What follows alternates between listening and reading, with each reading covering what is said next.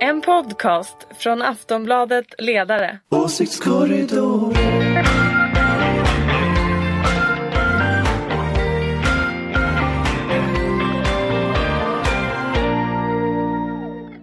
Hej och välkomna till Åsiktskorridoren. Det är måndagen den 8 juni, den blomstertid är här, eh, men skolavslutningarna är sig inte lika. På grund av coronapandemin så blir det inga utspring för studenterna och inga samlingar på skolgårdarna. Men det blir i alla fall sommarlov och eh, från och med nästa vecka så får vi resa utan restriktioner i landet eh, så länge vi är symptomfria. Eh, hittills så har 4 659 svenskar dödats av det här viruset. 44 730 är bekräftat smittade och det här är siffror som vi vet kommer att skrivas upp om ungefär en timme när Folkhälsomyndigheten och de andra myndigheterna håller sin gemensamma presskonferens. Men om inget annat är sig likt i juni 2020 så börjar i alla fall svensk inrikespolitik bli det. Efter en inledande uppslutning bakom regeringen och eh, dess coronastrategi så har det ju börjat spricka. Vi pratade förra veckan om Centerpartiet som då hade gått ut i DN och krävt en ny strategi. Eh, och igår så höll SVT en partiledardebatt och i och med den så kan man väl säga att handskarna helt har åkt av. Var det en bra debatt igår tyckte ni? Ulrika, vad säger du?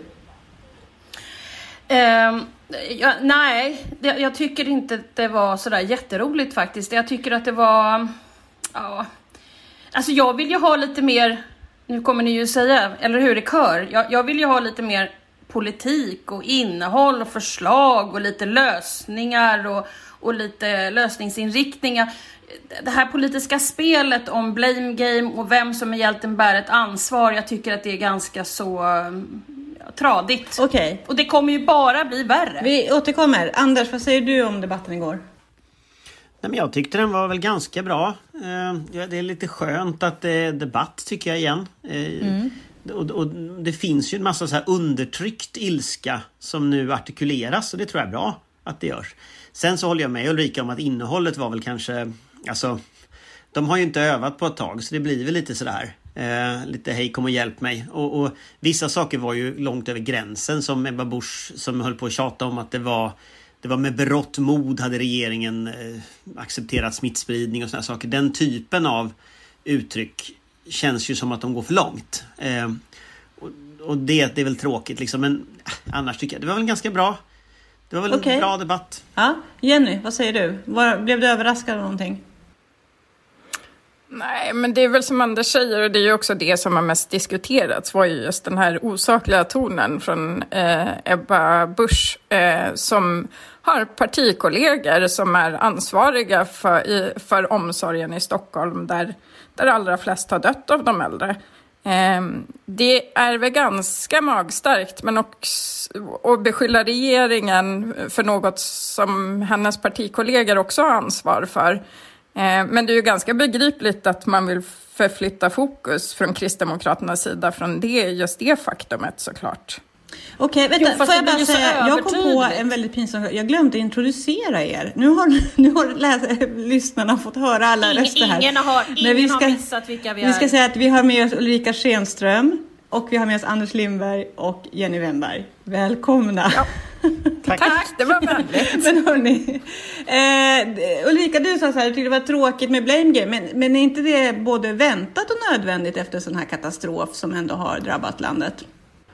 Absolut, men det, kom, det, finns ju inget slut på det här. Det är ju inte så att det är tsunamikatastrof där det har en början och ett slut, utan det här är ju en pågående diskussion, eller kris och diskussion. Och jag tror att det kan bli ganska så jag, är inte så säker på att det är blame game man ska hålla på med redan nu. Utan det kan ju till och med vara så att det blir ett bakslag för dem som pressar på vems fel som är vad. Däremot så tycker jag faktiskt att alla borde ta sig kragen när det gäller äldreomsorgen. Det, det, kommer inte bli bättre om alla pekar finger på varandra om vems fel det här är. Det är kommuner, det är regeringar, det är regioner, det är alla som bär ett ansvar här. Så att istället för att peka finger på dem, och det fattar ju väljarna, så att jag, nej, jag tycker att det är lite tragiskt istället för att visa upp att nu kan vi kavla upp ärmarna här. Vad kan vi göra framöver för att förbättra situationen för våra äldreboenden? Och som vi har vetat i så många decennier att det inte har fungerat och därför har vi, och, och, och, när vi då har låtit bli att göra någonting och det åskådliggörs nu genom den här krisen så borde väl alla ta åt sig lite att oj, det blev lite fel här, eller väldigt mycket fel. Fast det är också så, jag tänker att, att det, det, måste ju ligga något under att man beter sig så som både Ebba Busch och, och Åkesson gjorde igår. Och jag funderar lite på vad det är för typ av interna mätningar och sådär man grundar det där tonläget på.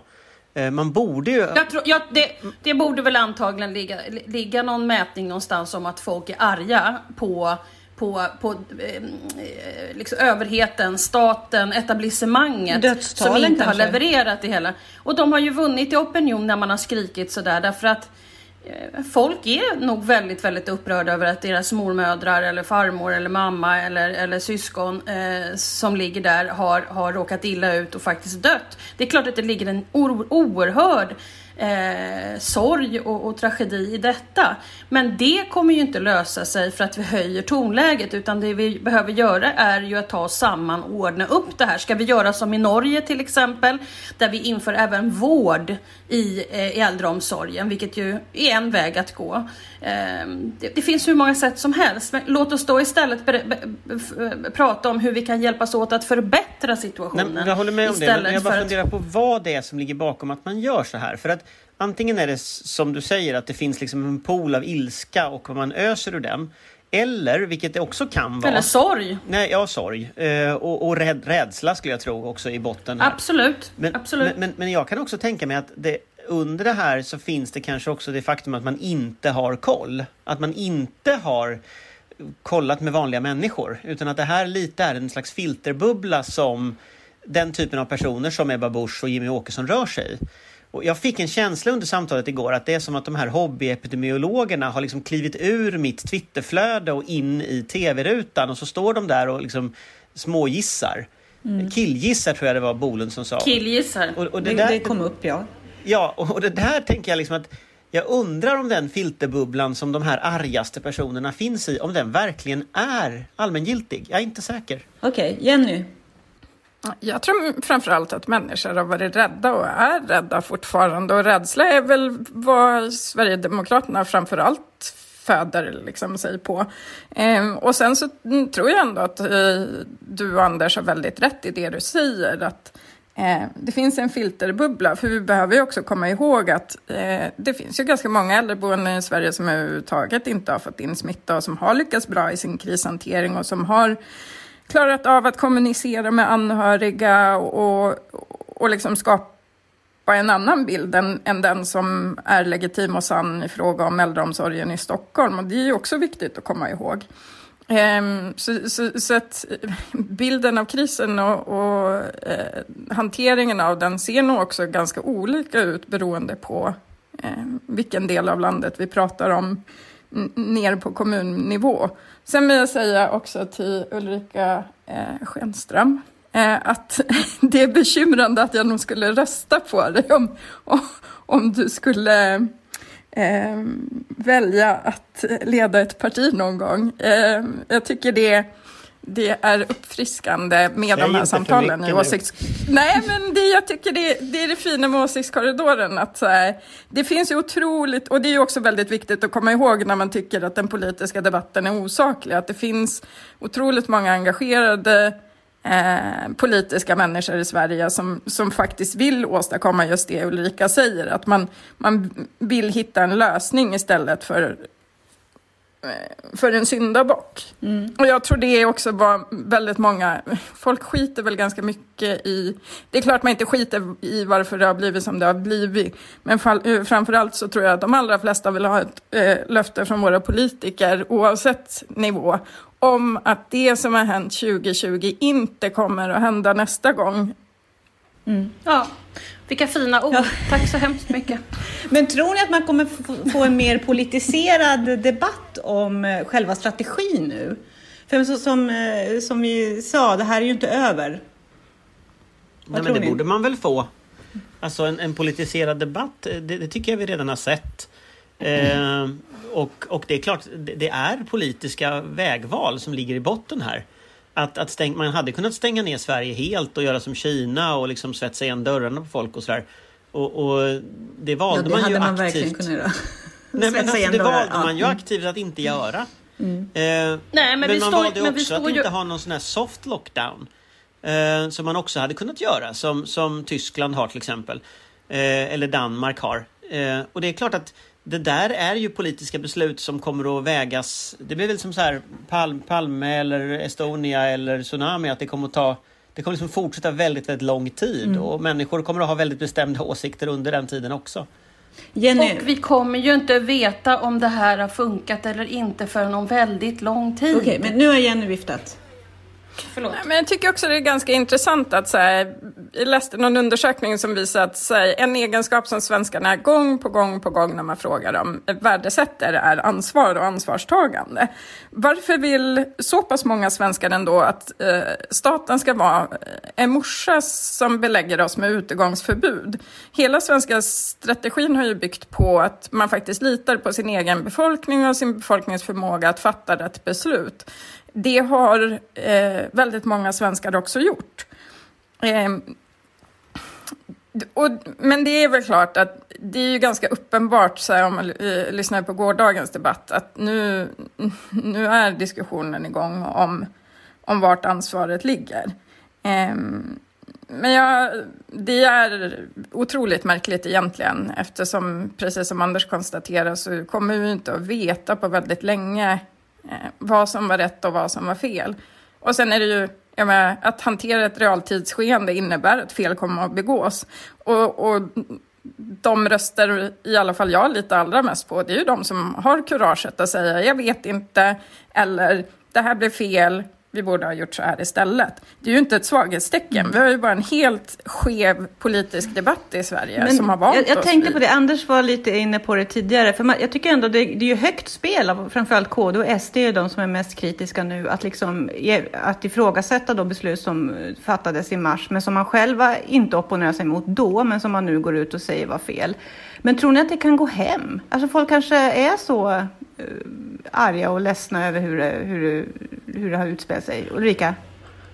Jag tror man ska passa sig i alla fall därför att så många gånger som etablissemanget har pekat på att det där är fel, alltså den här till exempel då att be Tegnell att avgå och sånt där. Det, det, strider ju mot hela vårt system, en tjänsteman på en myndighet. Så ja, hela etablissemanget förstår ju att det där är helt fel, men, men Förr har det ju slagit åt eh, fel håll för oss som tycker det är fel håll så att säga. Eh, och, och många gånger har etablissemanget haft helt fel i sitt sätt att, eh, att göra analys kring hur opinionen blåser. Så att ehm, jag, jag, tror man ska vara försiktig i att säga, till exempel som SCB visar idag, att S rusar i opinionen och att SD går ner. Jag tror att vi kan se en helt annan typ av ehm, eh att det kan gå helt annorlunda opinioner mm, framöver. Mm. Jenny? Nej, men jag tror Ulrika har helt rätt i det. Ehm, dels så... Det är väl klart att SD och KD gör den här typen av uttalanden av en anledning och det är för att det tilltalar en del väljare. Ehm, annars skulle de aldrig göra det här. Ehm, så jag tror också att man kan se, kommer att se helt andra rörelser i opinionen framöver. Det är ju väldigt uppenbart att Sverigedemokraterna bara sitter och bidar sin tid för att vi ska vara inne i en verklig ekonomisk kris där högerextrema rörelser och den här typen av rörelser som Sverigedemokraterna utgör tenderar växa. Mm. Eh, och det behöver vi vara förberedda på. Och det behöver framförallt övriga partier vara förberedda och ha en strategi för hur man hanterar. Mm. Men, sen, men sen, är det väl, sen, är det väl också, here, here. sen är det väl också det grundproblemet som finns när det gäller SD över tid och det är ju att SD du bygger på misstroende. Eh, och, och om nu strategin misslyckas då kommer det misstroendet per automatik att liksom växa. Det blir, den, den, liksom den komponenten i deras berättelse kommer att, att bli väldigt stark och då tänker jag att det är det de sår nu. Alltså de sår den där typen av, vi krävde hans avgång redan i, i maj liksom, eller juni mm. då. Alltså, och, och, och, och, och, grejen är ju den att om man tittar på de här hur pandemier har utvecklats historiskt. Så spanska sjukan hade tre vågor. Den andra var dödligast. Vi är halvvägs genom den första vågen. Tittar vi internationellt så ser vi att i stora delar av världen ökar det fortfarande. Så, att, så, att, så att vi är liksom i ett inledningsskede i någonting som kanske varar ett och ett halvt, två år innan vi har vaccin och människor är vaccinerade. Liksom. Ehm, så, så att, jag tror ju att de sår för framtiden. eh, det, det de tror blir framtiden. Sen är det ju här ju oförutsägbart om det blir så. Jag ska bara ge lite, bak- vi har varit inne på det, vi har lämnat mitt manus för länge sedan kan jag säga, men jag vill bara ge lite bakgrund att inför eh, de- debatten igår så hade Åkesson en debattartikel i DN där han krävde Anders Tegnells avgång. Jag vet inte om han menade att han skulle få sparken eller om han skulle gå frivilligt. Eh, och sen idag så presenterades då SCBs stora mätning, den här som kommer två gånger om året och där hade Sverigedemokraterna tappat 5,6 procentenheter. Det är bakgrunden till diskussionen vi för nu. Och nu viftar Ulrika med stora rörelser. Ulrika? Ja, nej men jag vill bara säga att en av de absolut viktigaste lärdomar av livet, samhällsdebatten och politiken är underskatta aldrig någon eller något. Jag repeterar, underskatta aldrig någon eller något. Det är liksom A och O. Mm. Eh, Jenny, ville du säga något? Nej, men du- eh, det där, jag tycker Ulrika har en jätteviktig poäng i det. Därför att om det är någonting vi har kunnat se i modern politisk svensk historia så är det ju just det att man har eh, haft en tendens att underskatta eh, missnöjet ute i landet. Eh, Millions of people have lost weight with personalized plans from Noom, like Evan, who can't stand salads and still lost 50 pounds. Salads, generally, for most people, are the easy button, right? For me, that wasn't an option. I never really was a salad guy. That's just not who I am. But Noom worked for me. Get your personalized plan today at Noom.com. Real Noom user compensated to provide their story. In four weeks, the typical Noom user can expect to lose one to two pounds per week. Individual results may vary. Det var ju fallet med junilistan exempelvis som, som dömdes ut som helt osannolikt att de skulle kunna få, få komma in i parlamentet eh, därför att man missbedömde EU-skepsisen i Sverige. Eh, det finns ju en rad liksom, eh, punkter i, i politiken där, där man har visat att man är ganska dåligt jordad mot den svenska myllan.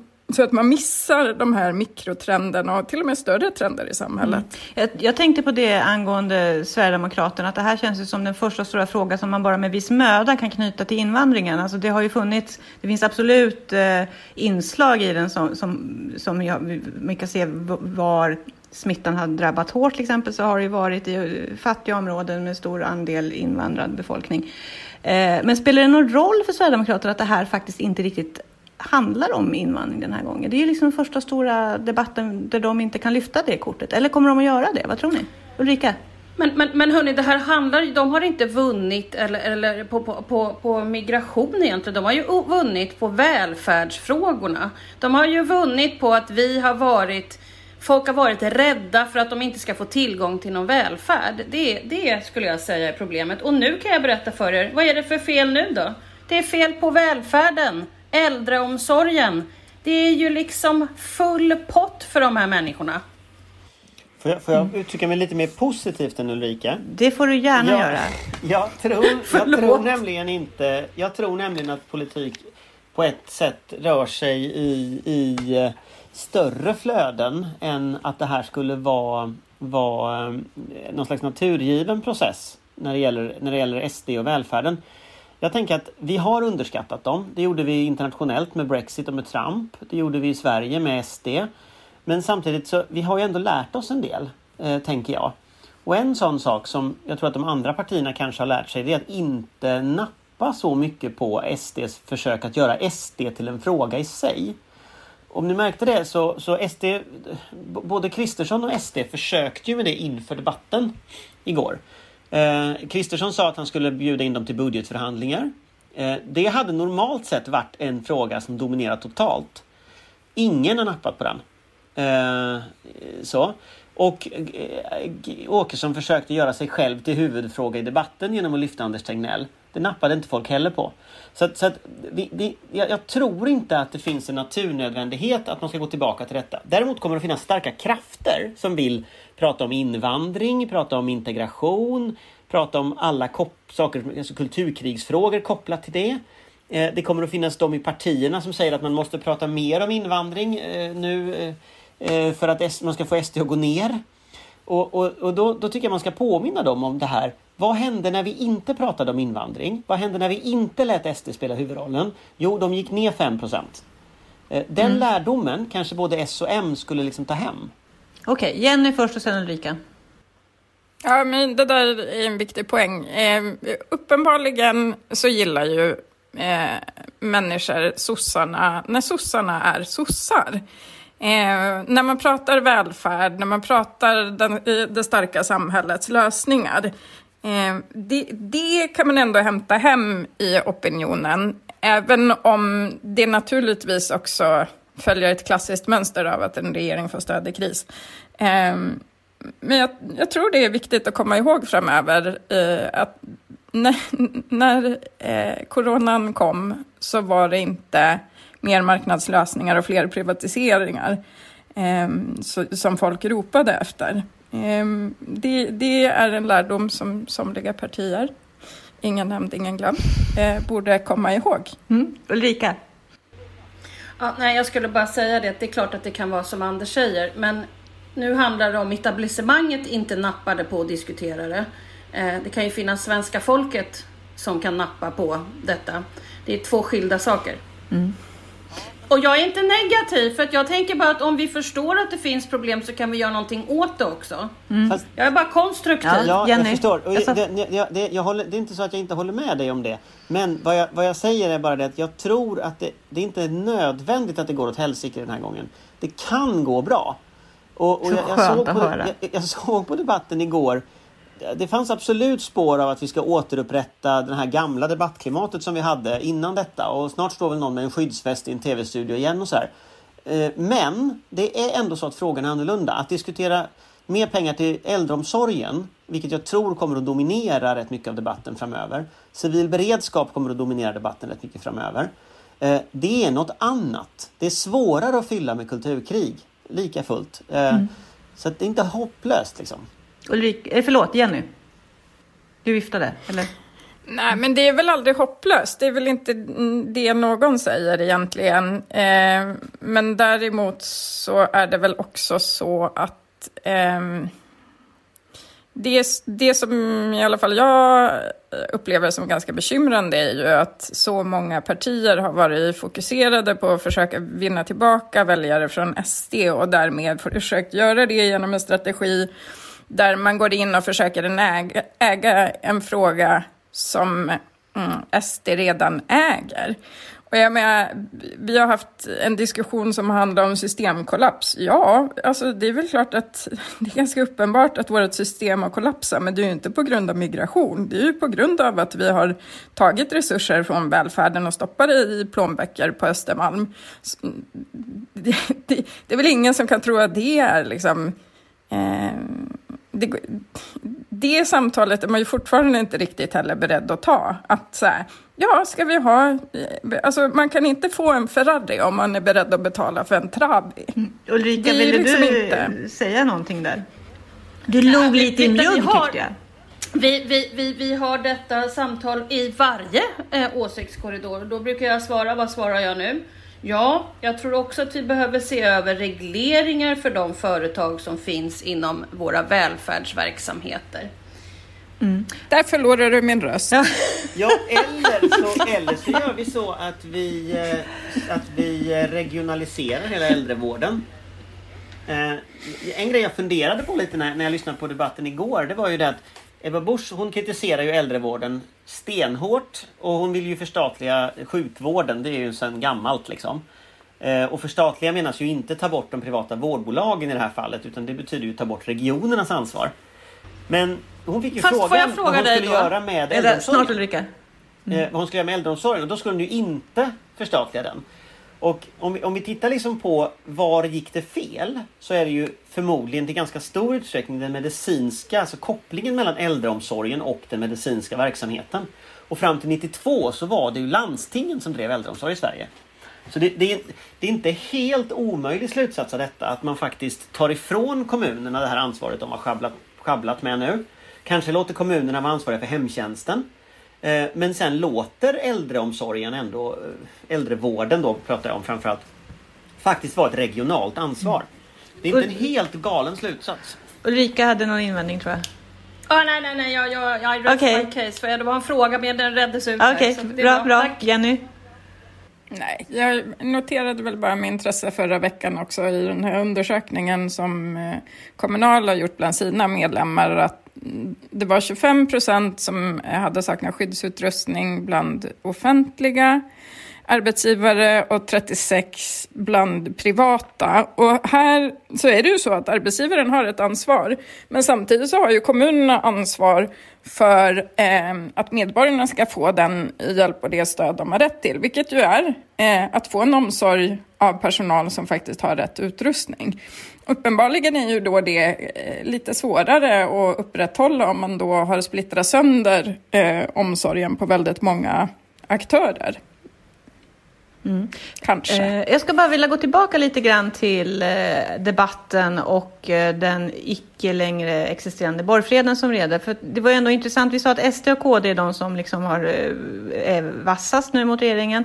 Eh, men Moderaterna verkar gå liksom en liten mellanväg där de inte ifrågasätter strategin som sådan utan istället utförandet, att den inte var till, har genomförts tillräckligt effektivt, till exempel misslyckandet med testningen. Fungerar det, tror ni, att vara lite så mer nyanserad som Moderaterna och Kristersson jämfört med Bush och Åkesson?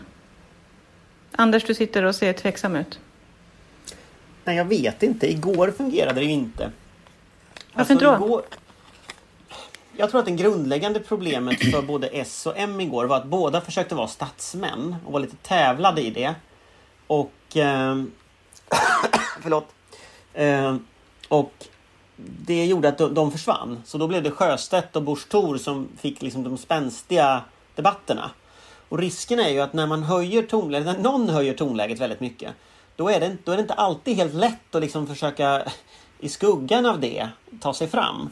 Och lite så har nog S och M samma problem där. Eh, De kan vara statsmän ett tag till men sen och det måste nog vara det ett tag till. De måste nog vara Och det du, du tror att, att Kristersson måste slugga mer, eller? Det kan vara så att om både Åkesson och, eh, och Bush gör det, då kommer, han, då kommer de att stjäla hans eh, oska. åska. Eh, då blir det inte så mycket kvar liksom, där. Och då kommer han att behöva höja tonläget. Sen förstår jag ju varför han gör som han gör. Därför att just nu så är det väldigt osäkert. Och hade jag liksom varit rådgivare till Moderaterna, då hade jag nog inte sagt åt dem att liksom göra så mycket annat än de gör just nu. Därför att faran är väldigt stor att som statsbärande parti, traditionellt statsbärande parti, eh, göra som Bush, då, då, då kan man ju bränna sig fullständigt. Så att, så att liksom, de, har, de har mycket svårare balansgång än liksom det här lite det här clownaktiga gänget. Mm. Ulrika, håller du med, eller? Alltså, men jag tyckte i och för sig att Ulf var ganska bra. Nu har vi bara pratat om, om diskussionerna kring, kring eh, strategin. Jag tyckte ju Ulf å andra sidan var bra. Nu kommer jag tappa Jenny igen. Eh, när, det, när, när, när, när det handlade om a-kassan. Då, då blir ju jag glad. va. Ni vet. Jag, jag är ju ändå moderat på det sättet att jag tycker att vi måste ha ordning på a-kassan efter att den här krisen är klar. Så då, då var jag glad. Vi måste få vara lite vänster-höger också. Jenny, inte se så arg ut. Okej, eh, nu tillbaka igen till SCB-mätningen. Eh, som sagt var, de stora rörelserna var ju då SDs stora tapp och sen att sossarna gick framåt med över 8 procentenheter. Är det här helt och hållet en coronaeffekt? De var uppe på 33 drygt, va? Är det helt och hållet corona? Jag tror att det är en blandning av en coronaeffekt och en mät, ett mätfel. Nej, men jag håller med här. Jag håller helt med. Stackars Det finns en Socialdemokraterna. coronaeffekt. Nej men det finns absolut en coronaeffekt i det här, så är det. Men det är också så att eh, det här är mätt i maj. Det är mätt under den perioden när den nationella samlingen var som starkast. Men det slutar mäta precis när opinionen förändras. Vilket gör att läget nu eh, är inte jämförbart med den här mätningen. Den var säkert sann Precis. i mitten av maj, någon gång slutet av maj. Men, men den är nog Det är två veckor sedan, längre. long gone. Ja, nej men det är för länge. Alltså, och det här är liksom ett problem tycker jag med... SCB är ju bra för att det finns liksom långa tidsserier tillbaka i tiden. Men SCB överskattar nästan alltid S. Man underskattar nästan alltid KD. Eh, och man har det här problemet med att mätperioden liksom ligger någon helt annanstans än när man presenterar. Eh, Och så, och så där, Ulrika. Och så där har det ju varit, och så där har det ju varit hela tiden. Det är därför en gång i tiden var det verkligen spännande att invänta SCB. Nu är det bara så här, nu kommer SCB, det är en eftersläpning på ungefär tre veckor. Okej, Jo, men i, i, i ett läge när inte allting har hänt de där tre veckorna, då är ju det kul liksom. Men just nu så har ju under de här veckorna så har ju läget förändrats fullkomligt. Så att, så att jag tror ju fortfarande S ligger högre. Jag tror S kommer att ligga högre än vad man gjorde Högre innan. än vad då? Än... än man en- låg innan. Du Mm. frågade om de skulle tillbaka till utgångsläget. Det tror jag inte. För här har det visats skillnad mellan olika politiska krafter. Jag tror att SD... Det, jag, tror, jag tror det finns en strukturell justering mot partier, om man ska använda uttrycket riktiga partier, som kan liksom leverera riktiga reformer och diskutera välfärdsfrågor och ekonomi och sånt. Det tror jag man vinner på i ett sånt här läge. Eh, och det tror jag är en strukturell förändring. Sen finns det en annan strukturell förändring som är intressant och den kan man se över tid. Och det är Folkpartiet, eller Liberalerna. Ja, det var faktiskt, vi skulle komma till dem. För jag vill bara släppa in Jenny som har viftat här. Vi ska återkomma till Liberalerna. Nej, Anders får... Det här vill jag höra Okej, om. okej. Ja, för Liberalerna. som sagt, Liberalerna kan vi då bara säga, mandatperiodens sorgebarn får vi ändå kalla dem. De ligger nu på 3,3 och, och de har backat en halv procentenhet och det är statistiskt säkert. Ja, det är en bra bit under spärren alltså. F- höra, Anders, om Liberalerna. Nej, men jag tycker att det är väldigt intressant för att Liberalerna har inte lyckats sedan valet egentligen med någonting. Eh, och, och, och det här valet av partiledare blev ju på ett sätt ett fiasko. Hon valdes för att gå igenom rutan och sedan dess har ingen sett till henne. Eh, den här skandalen som ju liksom bubblar hela tiden kring hur det där valet gick till. Eh, Sjöstedt igår sa ju i princip rakt ut att hon var liksom vald av lobbyister. Eh, och, och det är klart att, att hon har ju starka band till, till Johan Jakobsson som ju då är, vad är han nu på Svenskt Näringsliv, någon slags informationschef eller vad han är där. Eh, som ju tidigare är public affairs-konsult. Och, och det är klart att hela den där geggan drar ju ner partiet i valet i, i, bland Men kärnväljare. bryr sig väljarna om det så himla mycket? Är det inte tror mer att- så här, jag det tar politiknördar? Från, nej, jag tror det tar energi Okej. från annat. Förr så visste man att Liberalerna tyckte något om skolan. Idag vet man ingenting mer än att det är någon skandal som dyker upp då och då. Och det tar liksom energin från det som de vill prata om. Och tittar man på, på eh, liksom, framåt så är det också ganska svårt att se hur trasslar man sig ur det där eh, med den här ledningen. Liksom. Och igår så kom hon ju då sämst ut av alla. Eh, igen. Gjorde hon det? Okej. Vad, vad Ja, säger, det ja. gjorde hon skulle jag säga. Och eh, när man tittar på mätningar så blir det som SCB. Alltså, och någonting måste ju Liberalerna göra för att bryta detta. Mm. Eh, vad, det är väldigt svårt att se, skulle jag säga. Men de måste göra någonting. De måste göra någonting. Ja, det får faktiskt bli sista ordet för den här veckan. Eh, håll i, håll ut och fortsätt för guds skull hålla avstånd. Eh, tack så mycket Ulrika Schenström, Anders Lindberg, Jenny Wennberg. Jag heter Anna Andersson. Vi hörs nästa vecka. Hej då! Hej då! Tvätta Tvätta händerna. Jag tvättar händerna. Det ska ni också göra.